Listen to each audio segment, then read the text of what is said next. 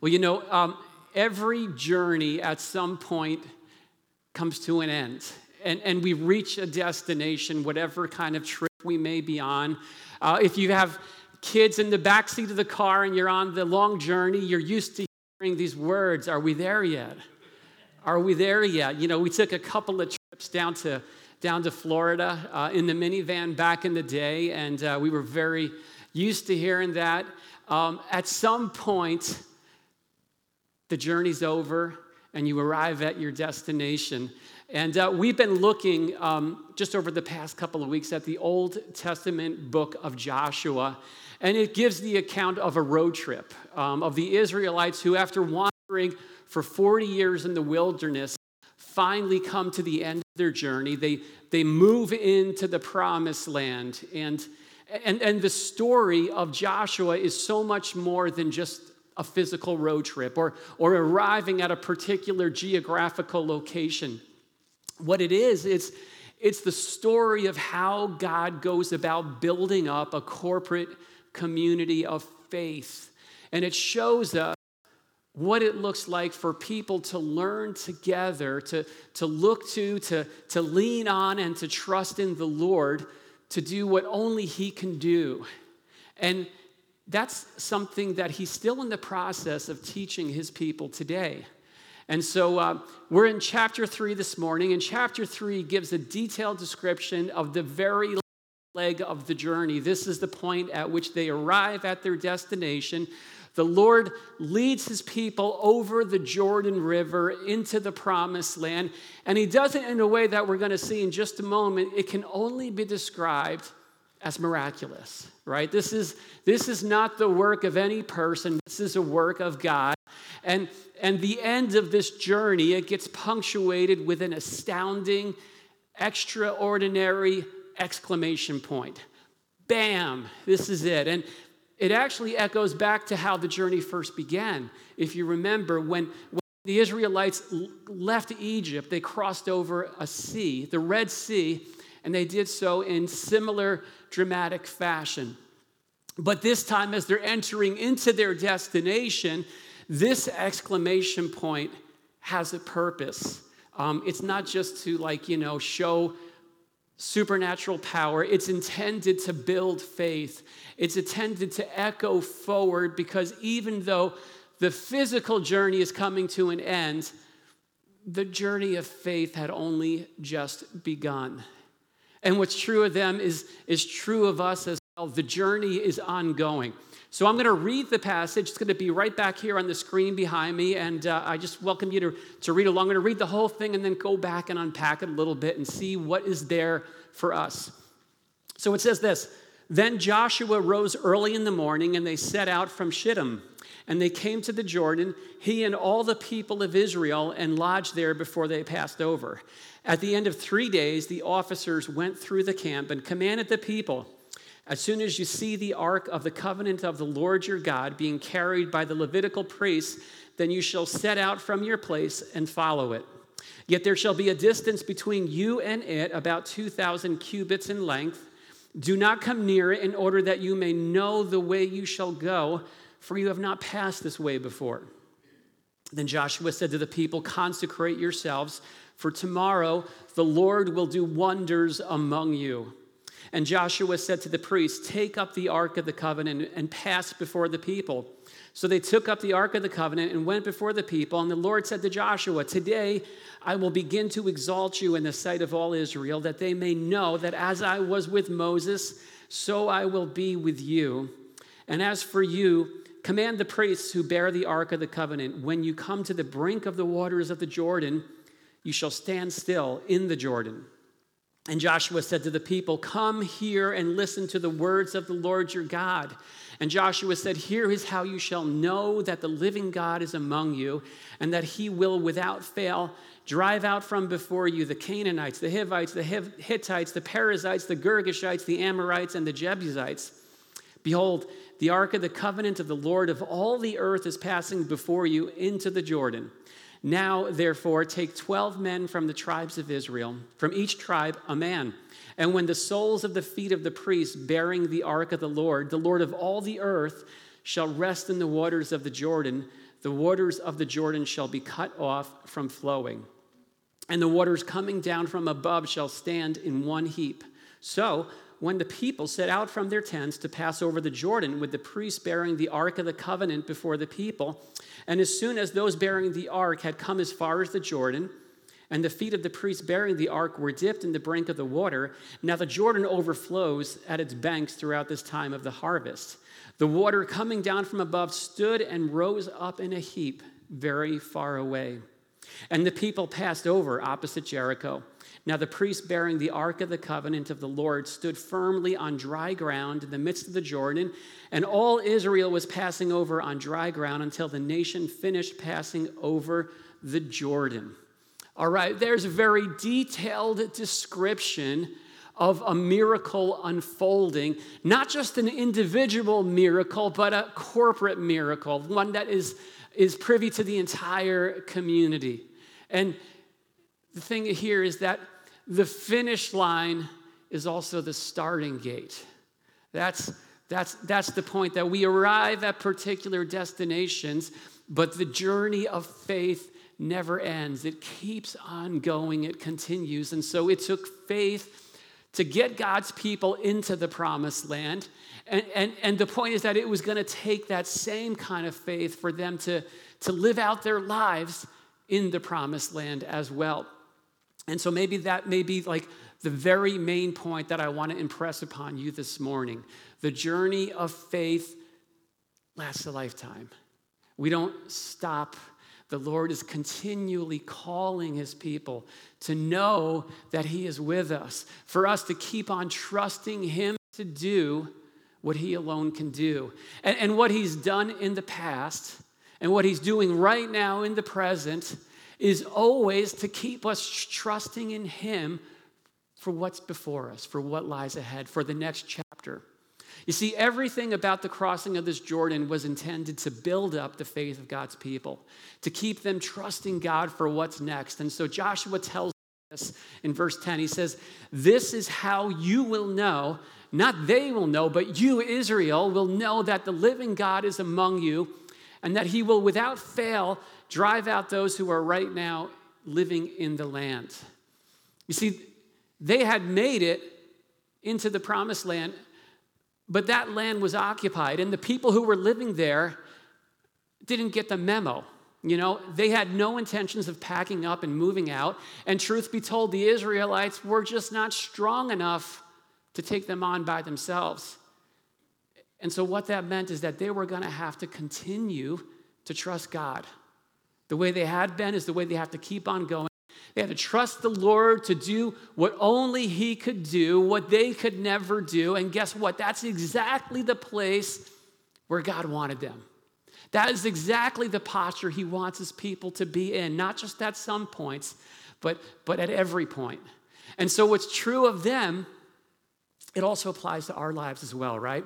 Their story is our story. We may be in a different chapter, but God is also continually calling us to continue to rely on and trust in Him, to do what we could never do, to do what only He can do. And, and you know, there has been um, an unfolding story taking place at Lakeview Church for several years. Um, he has worked in some incredible to get us to the place where we are today.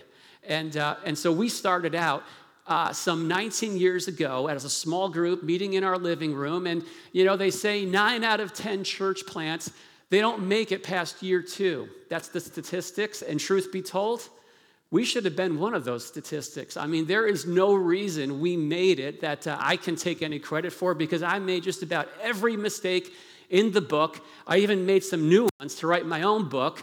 Um, and yet, somehow, God navigated us through those early days from our living room to a VFW hall. Uh, we spent like 16 years living, living in Carmel High School, meeting in Carmel High School. And, uh, you know, and, and, and some point along the way, we were like learning hey, what does it mean to love each other with the love of Jesus, right? And, and, and this dynamic started to be created. It's this loving community Uh, koinonia is the Greek word that describes this, this deep bond of fellowship that takes place from, from having Jesus in common and living in community. And so at that point, you know, church wasn't just an event that you go to for an hour a week, check off your to do list and get on with the rest of it. Um, you know, church started to become like a family. And the Holy Spirit started to get a hold of people's hearts, and we started loving on each other.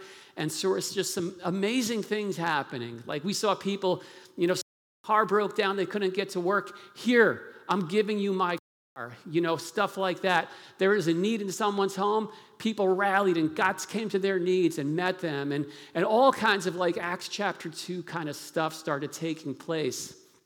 And then, you know, at some point, um, much to our surprise, this property was, was given to us. I don't know if you know that. This wasn't something that we paid for. Well, we did pay for a lot of renovations, um, but this property was miraculously given to us. That's a story for another day.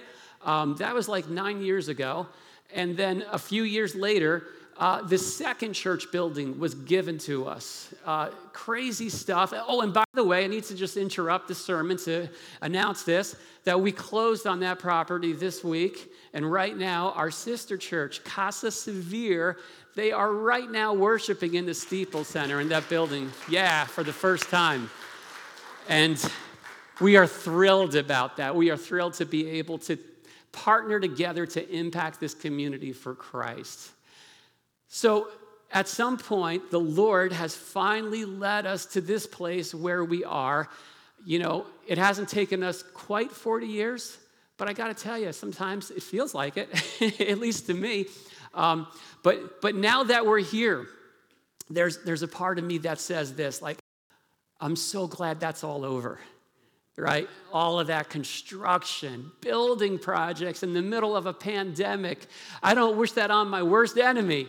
That was not fun at all. There were so many challenges, and yet the Lord navigated through each and every one of them to make this happen, and it's incredible. But there's a part of me that's like, okay, now we can chill, right? Now we can relax for, for a bit. That was challenging. Um, and, and you know what? In some ways, that's true. But, but in other ways, the Lord keeps on making it clear and reminding me time and time again Brian, that journey of trusting me, it's not over. It's not like you needed to trust me then and now you don't. It continues, it goes on. The finish line is the starting gate. And here's the point everything God has done up to this point is to keep us trusting Him from this point moving forward. So that's what this entire crossing the Jordan thing was all about. Joshua says, I am bringing you, um, the Lord is bringing you here in such an extraordinary, miraculous way to ingrain these two realities deep into your hearts as you move forward from here. He says, number one, so you will get it in your hearts and in your minds that the living God of all is right here among you. And let this crossing make it clear that he's not about to check out anytime soon. So just because you're entering, don't visiting because that's not happening. The Lord is not like some kind of bus driver who just, you know, drives them into the promised land. He says, okay, guys, next stop is the promised land. When the doors open, please exit in an orderly fashion. I'm happy to have gotten you this far. The rest is up to you. That's not, that's not how it goes. He wants his people to know, I have been with you every step of this way, and that's not going to end. That is going to continue. The journey of faith continues because you need me.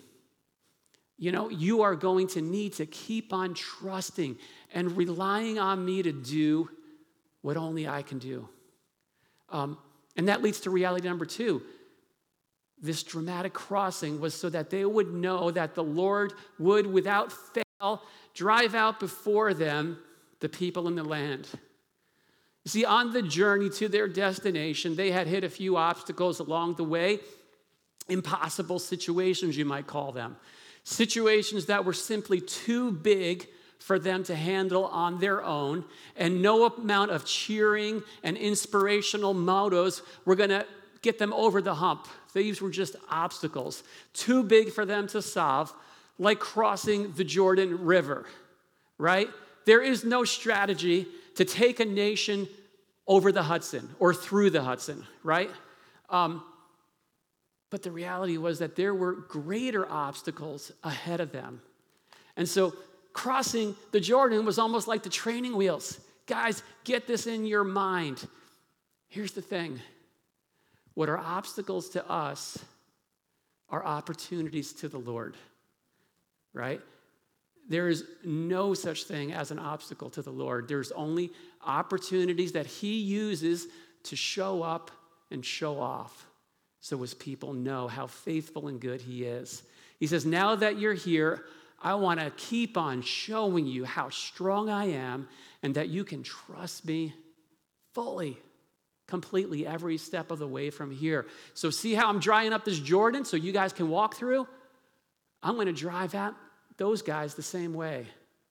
You know what your part is? Keep on trusting me, keep on relying, keep on moving forward. See, there are no obstacles, there are only opportunities.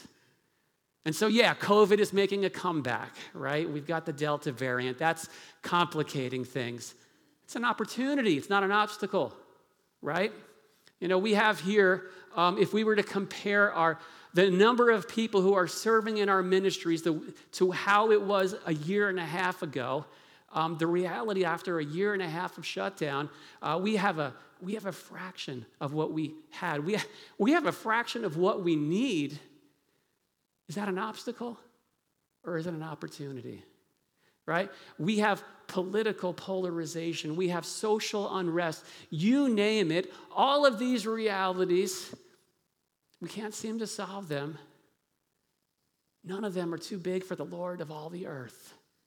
They're not obstacles, they're opportunities. And so he says, let this crossing remind you of what I'm capable of doing, of what I am able to do and make out of impossible situations.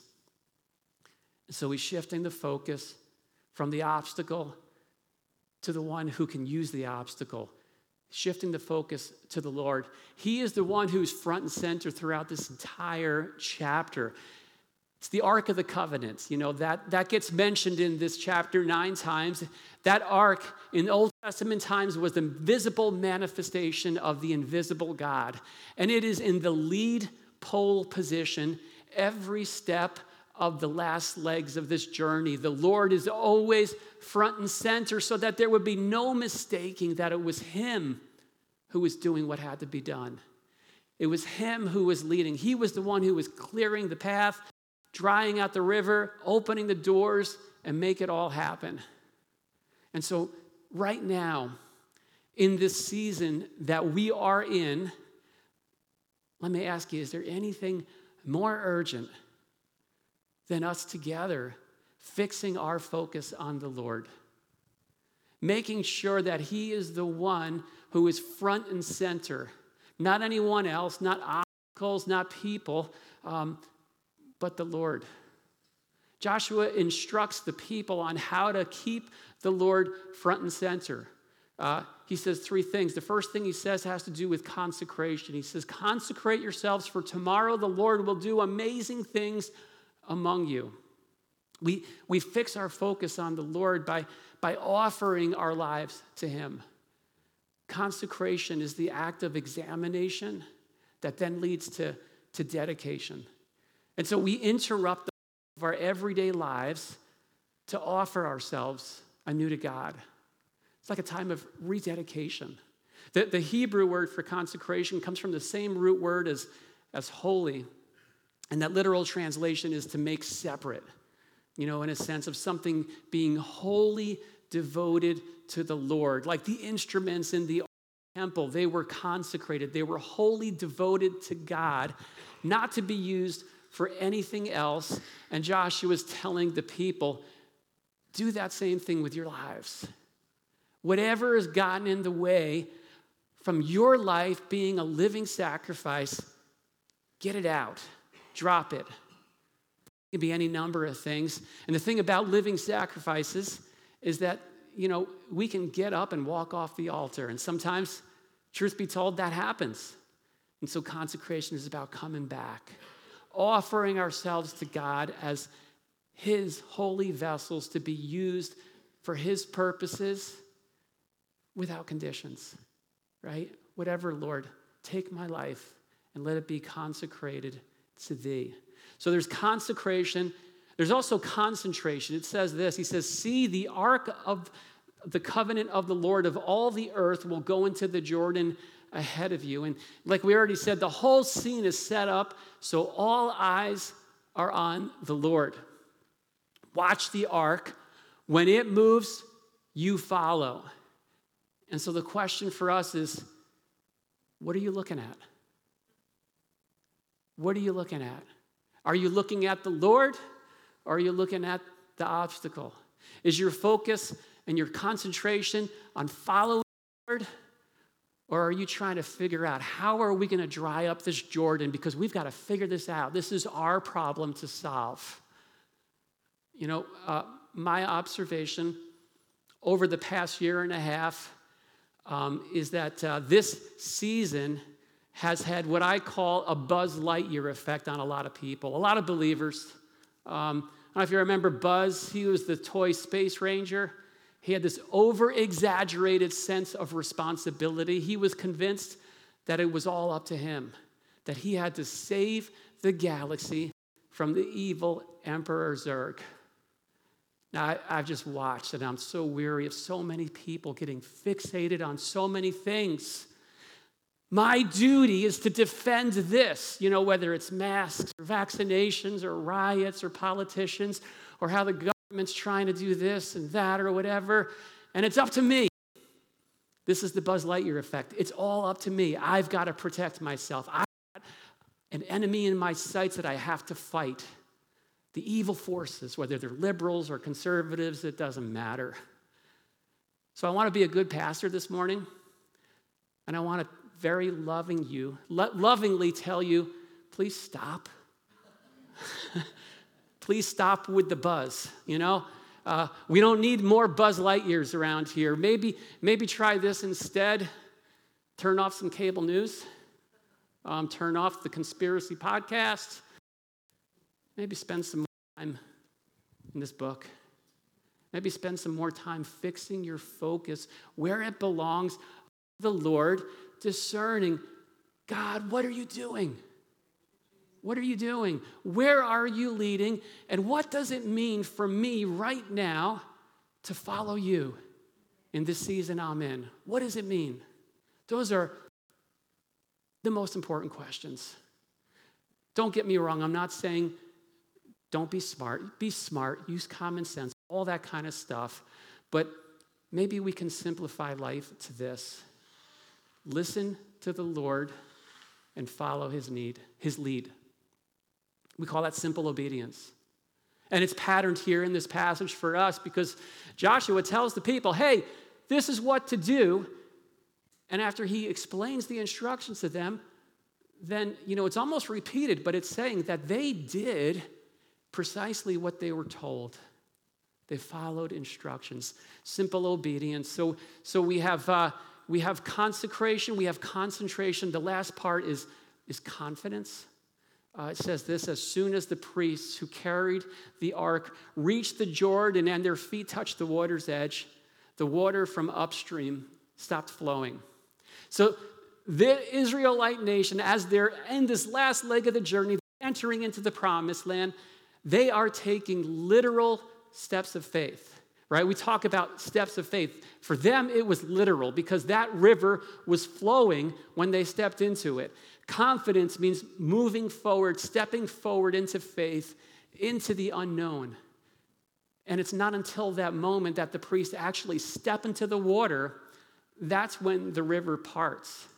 And Joshua says, Here's how it's happened the ark's gonna move, and when they step into the water, it's gonna part, and you're all gonna walk through the water, through this river, dry ground. And at that point, it's up to them. What are you going to do about that? Trust God, step out in faith, do something you've never done before because you're on your way to somewhere you've never been before. That's how it works. That's how it happens. That's how the life of faith gets lived out. And so many times we do invert it. We say, okay, God, you part the waters, and once they're parted, I'll take that first step of faith. I'll start walking then because I need to make sure that I'm safe, right? How, how many times do we, do we find ourselves just bowing down to the idol of safe? Safe at all costs. But God says, trust at all costs. I want you to trust me. I want you to learn how to step forward in faith, stop living in fear, which a lot of times, let's be honest, what we call safe is just a mask we put on fear and we try to sanitize it. Step out into the unknown, to somewhere you've never been before, doing something you've never done before. So here's the thing God keeps on teaching us these lessons of faith until we get them. Have you noticed that? If we don't learn it the first time, He keeps on teaching us until we learn it. Right now, I'm reading um, through the Gospel of Mark. We're going to go through Mark this fall. And I was out the other day, yesterday, taking a run, listening to Mark uh, in my headphones. And um, it's so funny. I'm like listening to this, and you know, when you're listening to it audio, you can hear much quicker, you know. And so you see, Jesus first, he multiplies the loaves of bread, feeds 5,000 people with them, with the disciples taking part in that. But that's not it. After that, he does it again for 4,000. The disciples are right there taking part in that. And then after that, the disciples get in the boat with Jesus. You know what they do? They start freaking out because they forgot to bring bread. they got Jesus, but they forgot their bread. Short term memory loss is an issue of discipleship. We keep on forgetting. And God keeps on telling us, Do you remember what I did in the past? I want to do it again. Remember how I led you through the Jordan? I want to keep on leading you through the land. So here's this other impossible situation. I'm bringing it to you. So you'll learn. Line is actually the starting gate. And the Lord loves us enough to lead us to these places where we reach the end of our abilities because it's those places, that's where the stories of faith start getting written, right? For so many of us, the question we wrestle with is not, Lord, can you? I know you can. The question is, will you for me?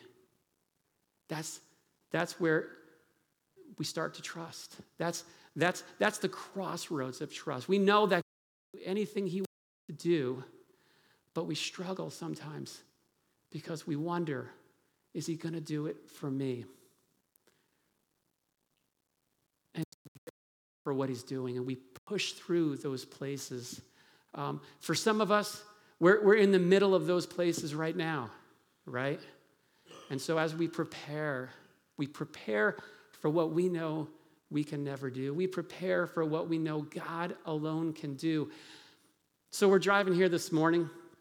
Diane might not like me for saying this, but uh, sometimes I get these like last minute, you know, sermon illustrations. And typically we, we drive separately. sometimes we have like four cars here. Uh, our family, but uh, but this morning we drove together, and she's like, "I got to do my exercises, my preparation exercises for vocal," and it's weird. she's like, it starts out with blowing bubbles, and she's got this app, this audio thing on the phone, and she goes through it, and she's preparing. She's preparing because she's going to sing when she gets here, right?